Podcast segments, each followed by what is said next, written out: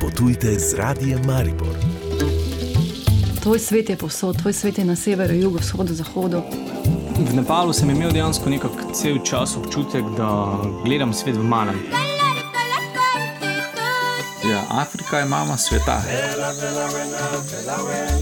Nič ni daleč, ne. meje si samo v glavi postavimo, kaj je daleč. Ne. Lepote Slovenije, doživetja, skriti kotički in zanimivosti. Vsekakor je pa tudi kulinarika tukaj. Doživite Slovenijo, spoznajte svet z Natašo Kuhar.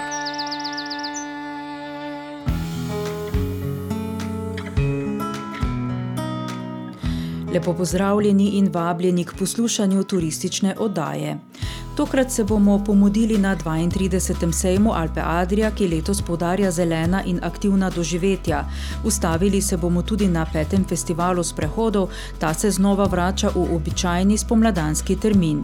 Odpravili se bomo še v romsko naselje Pušča pri Murski soboti, ki postaja vse bolj zanimivo za turiste.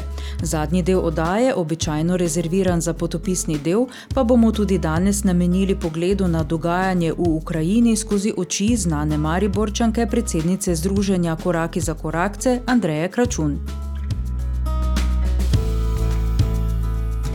Na Ljubljanskem gospodarskem razstavišču je še danes na ogled sejem za zeleni in aktivni turizem Alpe Adria. Predstavlja se več kot 130 turističnih ponudnikov, dogajanje pa spremljajo predavanja, predstavitve in okrogle mize. Na sredini okrogli mizi so govorili o slovenskem turizmu po omejitvah zaradi epidemije in potem, ko so se zaradi vojne v Ukrajini razmere znova spremenile. Prihod turistov iz bolj oddaljenih držav je nezanesljiv, zato bo treba okrepiti promocijo promocijo v Sloveniji in bližnjih državah. Vršilka dožnosti direktorice Slovenske turistične organizacije Ilona Strmecki je izpostavila negativne učinke vojne v Ukrajini, ki pa se jim je treba prilagoditi. Vsi pa seveda vsi želimo, ne, da se tisti turizem, ki je bil pred korono, vrne v takšni obliki, se verjetno ne bo. Zato pa se tudi trudimo, da seznanjamo turistično gospodarstvo vse čas s trendi, s tem, kakšen je novi turist, na kakšen način se odločati, da bi lahko privabili s tem, kar pa nekako Slovenska turistična organizacija in pa Slovenija kot destinacija komunicira že nekaj let, torej že v obdobju pred korono, da smo zelena, varna, zdrava, butična, v bistvu destinacija za neka aktivna doživetja v objemu neokrnjene narave in seveda to omogočamo v stiku s to naravo. In jaz mislim, da je to poslanstvo v bistvu ravno prava popotnica, da lahko privabimo torej goste, tako iz domačega in pa tudi iz teh bližnjih pa oddaljenih trgov. Bi pa jaz optimistično pogledala na letošnjo sezono, ni še vse izgubljeno. Jaz mislim, da z neko tako dobro energijo in z nekimi dobrimi cilji, predvsem pa z nekim prilagojenim načinom delovanja, ki smo se ga naučili zdaj v preteklih dveh letih, lahko optimistično zremo v prihodnost. Tej temi bomo pozornost namenili v prihodnji oddaji, nadaljujemo pa s festivalom sprehodov, ki se je po dveh letih vrnil v običajni spomladanski termin. V devetih dneh, vse do 2. aprila, bodo izvedli kar 45 sprehodov in drugih dogodkov. Mariborčan Vid Kmetič, ki snuje in izvaja priljubljene sprehode po Mariboru, o festivalu pravi. Festival sprehodov deluje v bistvu po sistemu odprtega poziva, se pravi, mi pozovemo Mariborčane, da se da prijavijo svoje zgodbe, se pravi, zanimive zgodbe o Mariboru, zgodbe, ki jih še ne poznamo, da predstavijo svoj vidik Maribora in tako dalje. In moram priznati, da je vsako leto prijav toliko, da imam vedno sladke skrbi potem to umestiti v te festivalske dni, narediti neki urnik, da se vsaj približno ne pokrivajo sprehodi, ki so prijavljeni. Recimo letos imamo v devetih festivalskih dnevih imamo 45 različnih sprehodov. Pa dve okrogli mizi, pogovora, pa eno predstavitev knjige in pa še eno predavanje. Se pravi, kar napolnjen urnik, moram reči. Stvar je taka, da zgodba everything goes, grdo po angleško rečem, ampak mora pa seveda štimati zgodovinsko, ne, ne more biti neka natolcevanja ali pa neke stvari, ki ne držijo zgodovinsko. Ampak poleg posameznikov se pa nam zdaj že dve, tri leta zapored prijavljajo svoje sprehode tudi večina kulturnih inštitucij v mestu, uradnih, ne, se pravi oba muzeja, Lutkovno gledališče, Mariborski arhiv, Zavod za varstvo kulturne dediščine, gledališče Moment, Botanični vrt, recimo, naj mi ne zamerijo tisti, ki sem jih pozabil. Se pravi, da je kar tudi da so nas prepoznali, da je to ena platforma, na kateri lahko tudi te inštitucije predstavijo zgodbe, ki jih načeloma ne vidimo potem v njihovih, noter, recimo v muzejih ali kaj takega. Se pravi, malo, malo tiste zgodbe, ki jih v bistvu oni skrivajo, pa bi jih vseeno radi predstavili. Tako moram priznati, da nam kar lepo uspeva in kar se tiče sodelujočih, in kar se tiče obiska. Tokrat uvajajo novost. En dan festivala bodo namenili s prehodom po izboru mladih, da bi udeleženci spoznali mesto skozi njihov pogled. V nadaljevanju pa v romsko naselje Pušča pri Murski soboti, ki postaja vse bolj zanimiva turistična točka. Potujemo tudi na spletu. Bonjour, ça va Je l'ai Oui. C'est tout Radio Maribor.si Suis-moi. Romsko naselje Pušča pri Murski soboti, ki je nastalo pred dobrimi 110 leti, se danes srečuje z novimi izzivi. Glede na to, da so njeni prebivalci tudi v sodobnem načinu življenja ohranili del svoje kulture in tradicije, postaja kraj če dalje bolj zanimiv tudi za turiste. Romski svetnik mestne občine Murska sobota Darko Ruda še povedal, da so svoje naselje uvrstili na seznam turističnih destinacij Pomurja in da imajo kaj ponuditi, predvsem tisto, kar Rome dela drugačne. Glede, včasih, ko so še bili težki časi in ko so bili šele začetki, smo se mi naše drugačnosti sramovali. Ampak skozi ves ta proces, bi rekel, od petrolejke do elektrifikacije, pa vse do samostojne krevne skupnosti, smo pridobili toliko na svoji samozavesti, da se danes z našo drugačnostjo razkazujemo. In eh, to je v bistvu priložnost, tudi na nek način skozi turizem, na nek način serviramo obiskovalcem. In eh, moram reči, da smo lani imeli čez 500 obiskovalcev iz cele Slovenije, prihajajo tudi iz tujine in na nek način si želijo od blizu pogledati to prakso, kako je lahko iz enega bornega romskega naselja nastalo sodobno naselje. Glede, mi smo skozi ta eh, razvojni proces prišli v neko kružišče poti, kjer izbiramo svoj naslednji razvojni ciklus. In smo na nek način razpeti med tradicijo in, bi rekel, eh, sodobnostjo, in mi izbiramo sodobnost. Tradicijo ohranjamo in jo oživljamo in jo želimo promovirati skozi turizem. Naj povem z veseljem, da smo na zadnjem, na nekem, bi rekel, pomorskem eh, turističnem dogodku, je Pušča bila vključena kot eh, turistična eh, ponudba za Pomorje eh, z naslovom Pušča biser Pomorja. In seveda to nas v bistvu zdaj žene k temu, da na nek način nazaj aktiviramo pač to našo kulturno bogato tradicijo in obiskovalcev ponudimo življenje, kot je bilo nekoč. To je v bistvu nek program, ko na nek način zakurimo ogen, se sliši lepi romski glas, glasba, ponudimo našo kulinariko, ki je zelo bogata, in seveda ob vsem tem ob ognju dežura vedeževalka, ki na nek način tudi lahko vrne puščo nazaj od samega začetka. Torej, turizem je ena naša naslednja razvojna prioriteta. E, moram reči, da imamo ob, ob tem e, veliko, veliko podporo same mestne občine Murska sobota. Eh, seveda, sami smo pa že toliko uspešni, da znamo pridobiti tudi kakšen projekt in ga seveda lahko preko turizma lahko uveljavimo. Jaz moram reči, eh, da tudi skozi turizem vidimo nove, nove zaposlitve, kar bo prispevalo k temu, da se bo pač eh, zaposlitvena struktura Romov, ne glede na to, da živimo v regiji, ki je po številu brezposelnosti najviša, da bodo Romi kljub temu zaposleni. V pušči bodo zrasle najprej štiri cimprane hiške, ki bodo jedro turistične ponudbe.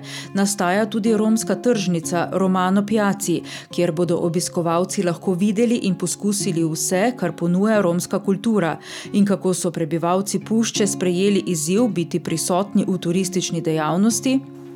Zelo dobro. In moram reči, da smo tudi kar nekaj že spodbudili, da ustanavljajo svoje družinska podjetja. Mi sicer postavljamo eno kreativno uh, tržnico, ker bodo Romi iz Pušče ob prihodu obiskovalcev na tej kreativni tržnici uh, v pričo turista izdelali nek simbol, katerega bodo lahko ponudili oziroma prodali In uh, mi svojo uh, drugačnost uh, v bistvu vidimo kot prednost v tem, da danes ni turizem, da nekdo pride, te sfotografira in razkazuje fotografije, kje in kam je bil, ne? ampak danes je turizem to, da nekdo pride pa nekaj s tabo doživi. In to mi lahko v bistvu veliko tega lahko ponudimo, pač ob organiziranem ogledu naselja, potem naši Romi, ko imamo obiskovalce, zelo radi spostavijo dialog in govorijo, kako so nekoč živeli. Ne? In uh, to je zelo, zelo, zelo dobro sprejeto strani obiskovalcev.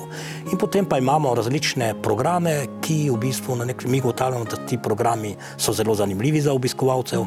In znova in znova se prijavljajo skupine, in pravim, turizem je naslednja odskočna deska kjer vidimo pač naš nadaljni razvoj. Še dodaja Darko Rudaš in si želi, da bi umestitev pušče na turistični zemljevid Slovenije pripomogla k prepoznavnosti tega okolja v domačem in mednarodnem prostoru, pa tudi, da bi s turističnimi projekti ustvarili čim več novih zaposlitvenih priložnosti. Lepote Slovenije, okusna doživetja, zanimivi ljudje. Potujte drugače. Potujte z radijem Maribor.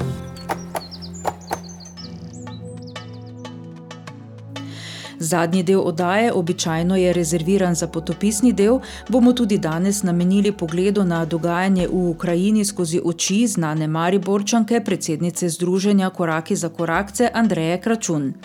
Naša gostja je Ukrajino, predvsem pa Kijev, v prejšnjih letih dobro spoznala, dogajanje v tej državi spremlja z ogorčenjem, predvsem pa z veliko žalostjo.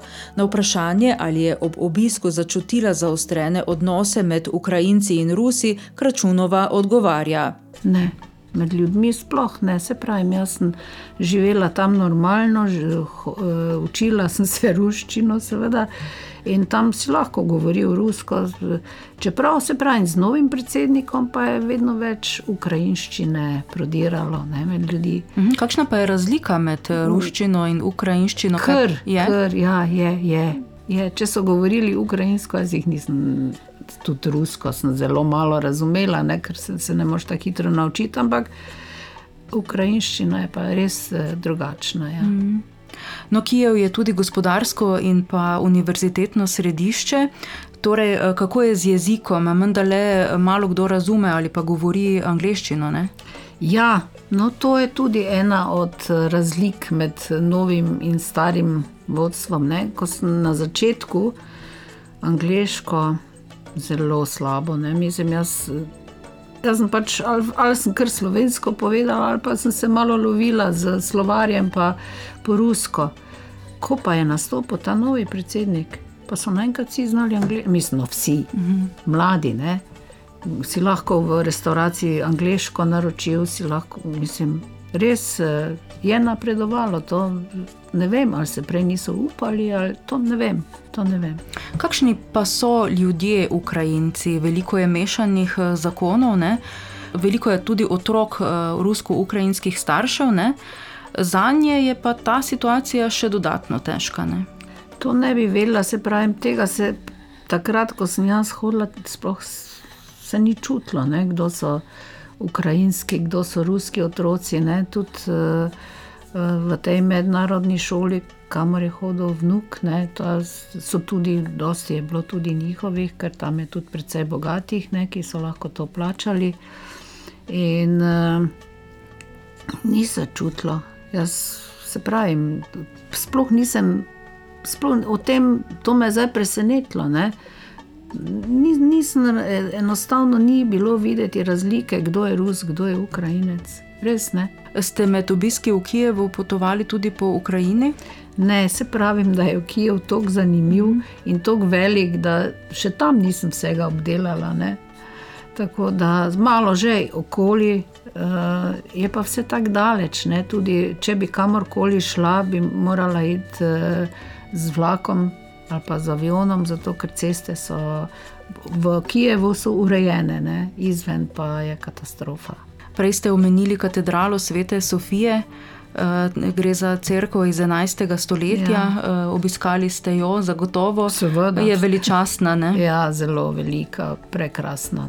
prekrasna. Vse, vse so v bistvu uh, prav lepo, mislim, tudi urejene in ta pa sploh ne. Ta mm. pa je fenomenalna. Ne? Tam si pa moraš vzeti ne samo en dan, več dni. Ne? tudi pred crkvijo, potem so razni tile umetniki, ki nastopajo, pojejo, študenti. To, mislim, življenje, Kijevo je bilo življenje, res. No, znanje tudi Kijev po globokih podzemnih železnicah. Um, mislim, da je tam ena celo najgloblja. Ne? Ja, zelo, zelo. Ampak eh, pač podzemna, greš dvakrat, pa se pol navadiš. Ne? Čeprav na začetku smo bolj uporabljali te podzemne železnice, potem pa smo že imeli avto, pa nismo toliko mm. uporabljali, ja, ker je kar zamudno iti z podzemno železnico. Greš pa zato tudi na ravno tole, ne, najbolj globoko, da jo vidiš. Mm. Zdaj so tam zaklonišča. Ne? Ja, seveda, to je edina možnost, da preživijo. Mm. To je edina možnost. Ja. Torej, Kijev je mesto umetnosti in arhitekture v pravem pomenu besede. Tako, ja, res, eh, Kijev je tudi, recimo, poleti, ne, je ta glavna cesta zaprta. Mislim, eh, za promet, tam se dogajajo festivali, pojejo, mislim, rišejo. Tam je dejansko življenje umetnikov. In celo poletje je zaprta. Uh mhm. -huh. Je pa tudi, seveda, um, tale opera in balet, ne? to je Čevnenko, uh, opera prekrasna. Ne? Tam so pa predstave res, tam pa sem bila stalni gost. Veličastno. Veličastno, ja. Res, ja. No, ta glavna ulica v Kijevu je Hreščatik. Hreščatik, ja. Hreščatik in je v bistvu najkrajša, a hkrati najširša ulica na svetu. Menda. Jaz to sicer ne vem, ne, to ste mi že rekla, da je najširša. Mogoče zdaj ne vem, kaj vzamejo. Ne, če, mm -hmm. tudi, če pločnike vzamejo, potem ja. Ne. Je pa res, da je veliča, samo poleti se pravi, je zaprta, tam ni prometa, potem ne. Drugače se vozijo normalno, ampak poleti je pa to uh, pravzaprav udar, lahko rečem. Mm. In tam potem greš tudi naprej, imaš razne te uh, vodomete, raznih barov, res, res, res.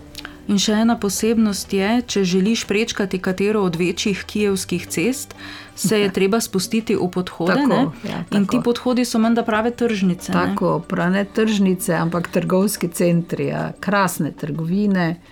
Uh, je pa res, ja, moraš iti spodaj. Je pa, no, ravno čez to ta glavno cesto so pa potem že speljali tudi semaforje, tako da smo šli tudi preko ceste po semaforjih. Ja. Ukrajina je znana po številnih jedeh, ki so skupne z ruskimi, kot je denimo boršč. Ne? Verjetno bi se spomnili više kakšne. Ne, ne. Samo boršč je, ampak drugače pa v restauracijah pa ješ normalno evropsko hrano, zelo dobro pripravljeno, zelo okusno, tudi lepo servirano. Res, mislim, jaz sem v Kijevu živela, kot da sem v New Yorku. No. -hmm. Res. Je to eno svetovljansko mesto? Je svetovljansko ne? mesto in zdaj, ko gledam te posnetke, sem res žalostna. Ja. Mm -hmm.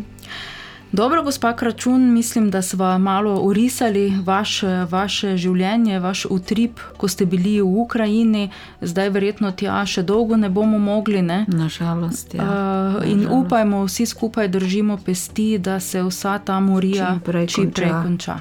Tako jaz upam samo, da bodo moji prijatelji vsi preživeli in seveda jim bomo pomagali.